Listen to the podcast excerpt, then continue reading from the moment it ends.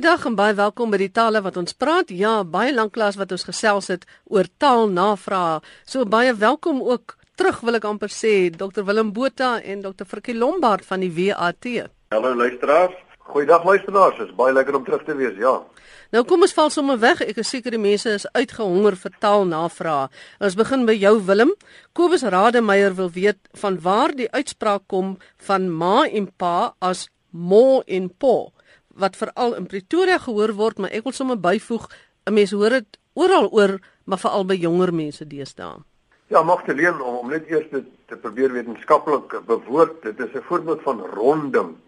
En dit is 'n voorbeeld van ronding wat redelik maklik kan plaasvind omdat die lang A klank en die lang O klank beide laag agter in die mond gevorm word. Maar hoekom dit gebeur kon niemand nog vasstel nie. My eie waarneming stem ooreen met joune dat dit meer onder jong mense is, kinders en jong mense, voorskools, skools en naskools, miskien universiteit en dat dit later ontgroei word. Nou ek het toe 'n hele paar mense in Pretoria gebel en met hulle daaroor gepraat. Ehm um, hulle stem in 'n hoë mate saam. Uh die een persoon het selfs gesê dat sy eie kinders toe hulle klein was in die laerskool, dat hulle ook gemol en gepooi en gemooitjies het en hulle het dit ontgroei. So dit staaf toe nou my eie waarneming en lyk like my jou waarneming ook. En mense stem ooreen dat dit vermoedelik in Pretoria ontstaan het in die skole. Ek het met iemand gepraat wat in die 80er jare in Pretoria gewoon het en later teruggekom het Kaap toe en hy sê dit is toe op skool is dit as die korrekte uitspraak voorgehou dat jy praat van mol en pol. Of dit so is, weet ek nie, die mense kan gerus van hulle laat hoor.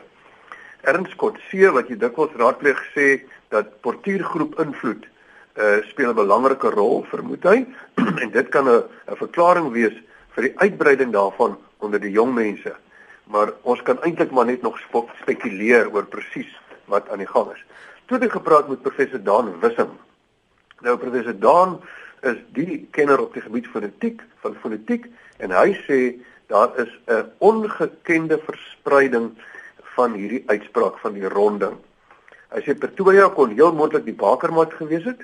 'n Bekende skrywer wat hy ken, 'n uh, sanger, ekskuus, meen dat hy die eerste tree daarvan in die 60er jare as 'n skoolseun beleef het dat daar hulle gesê is, julle sê mo en po dit is korrek. Maar sê professor Dan, as hy luister na RSG en hy luister na die inbellers, is dit die uitsondering as iemand nie rond nie. So vir ons hom neem dit ongelooflik vinnig toe. Nou wat ook waar is, is dat hy het 'n geoefende oor. Hy kan grade van ronding onderskei wat ons miskien nie hoor nie, ons gewone mense, ek en jy, ons hoor dit nie. Maar hy sê dit kom veral voor by die benadrukte lang A klank, nooit by die kort A nie. Daarom kry jy klaskamer, kop, stad en mo en po kuier in die strandhuis in Hartenbos. As hy nie lank is en bekend nie, dan word hy nie o nie. Nou, hy het akoestiese toetse aangelê en dan neem hy dit baie beter waar. Hy het 20 studente op by Potchefstroom getoets en 19 uit die 20 het gerond. Hulle het gepraat van my mooietjies en nie van my maatjies nie. En toe het hy 'n groep ouer, 70 jaar geneem in Potchefstroom en die een van hulle uh, het gerond. Nou, sodat ek met hom gepraat het, is ek meer sensitief en luister ek ook fyner en ek begin ook hierdie grade van ronding raak te hoor. Daar's byvoorbeeld 'n baie bekende rugby speler wat op die oomblik uh, in 'n advertensie verskyn op televisie en nou het ek opgelet hy rond ook. Hy praat van die plaas dink ek of 'n rooi kort. So hierdie ding is geweldig aan die toeneem. Ons weet nie hoekom nie. So hierdie invloede kom nie noodwendig uit die ouer huisie want die ouers praat reg. Dis eerder soos wat jy genoem het wanneer hulle dan nou met maats in aanraking kom of by die skool kom, die die drukgroep rondom hulle. Dit lyk my dis portuïergroep uh, druk ja, of invloed. Ja. Wel ek is maar bly ek kom van Namakwaland af want ons is nog baie ver van daai ronding. Ons ons, ons moet nog eers ja. op die gewone een kom voordat ons na die ronding toe kan gaan. Julle is lekker plat. Ons is nog baie plat, ons is nog aan die onderkant van die grafiek. Frikkie en Liesbeth vra oor die woord nooddrif. Dis nou N O O D D R U F. en sy herkoms.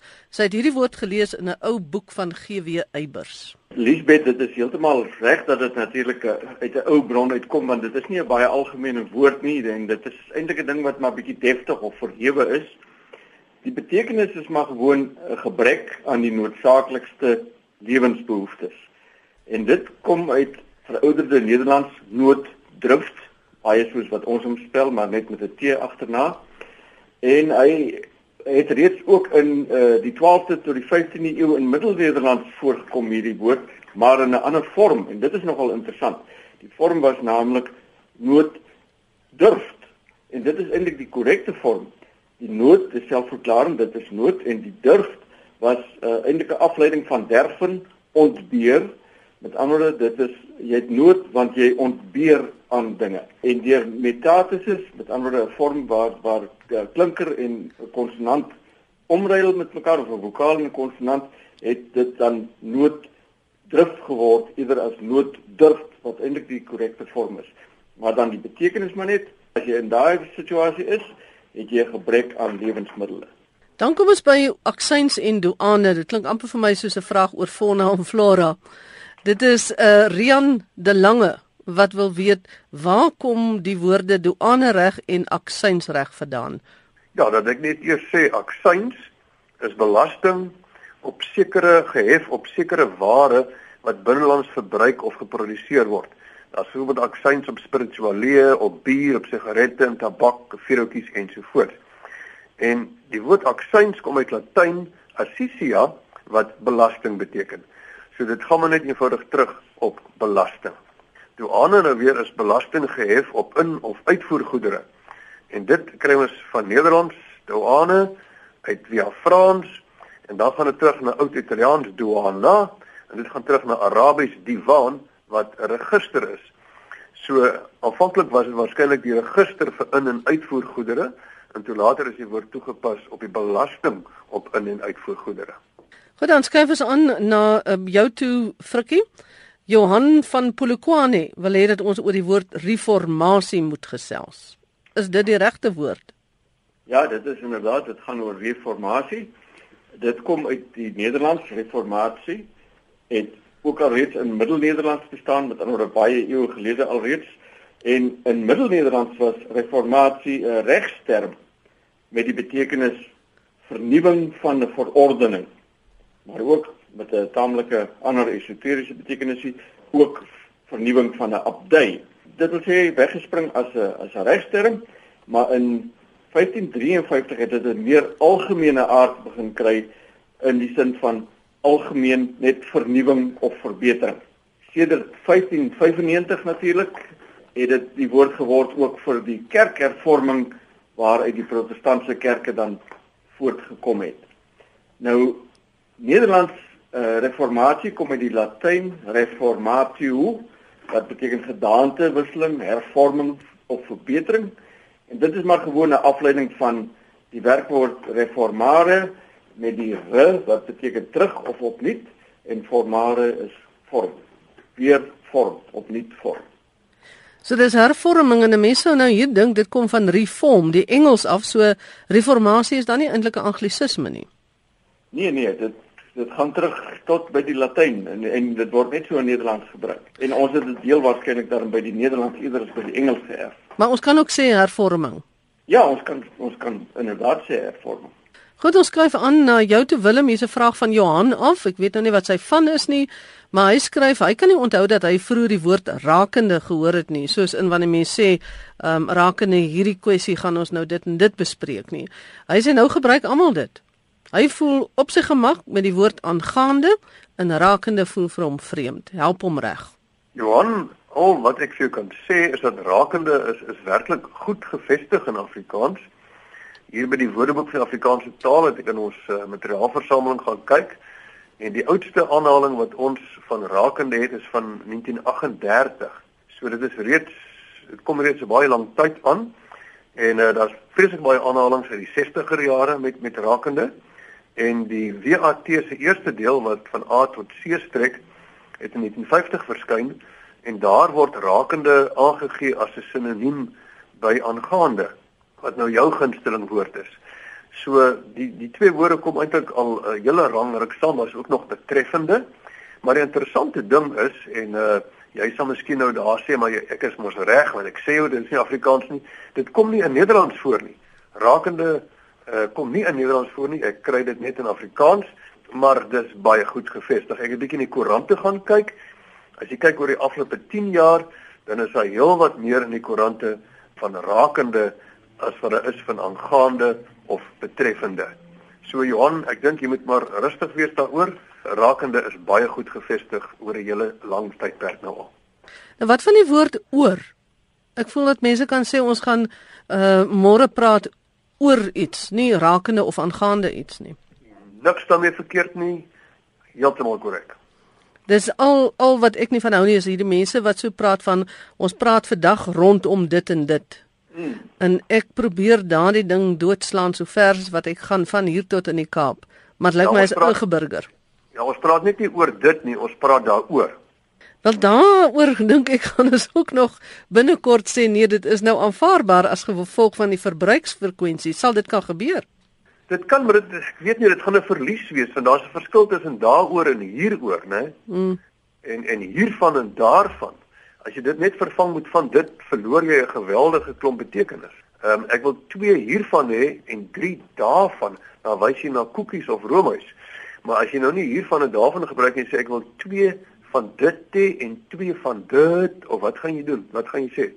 Goed, Desforie wil inligting hê oor die Afrikaanse woordelys en spelreëls en oor die woord hoef en Frikkie ons vra vir jou om te antwoord.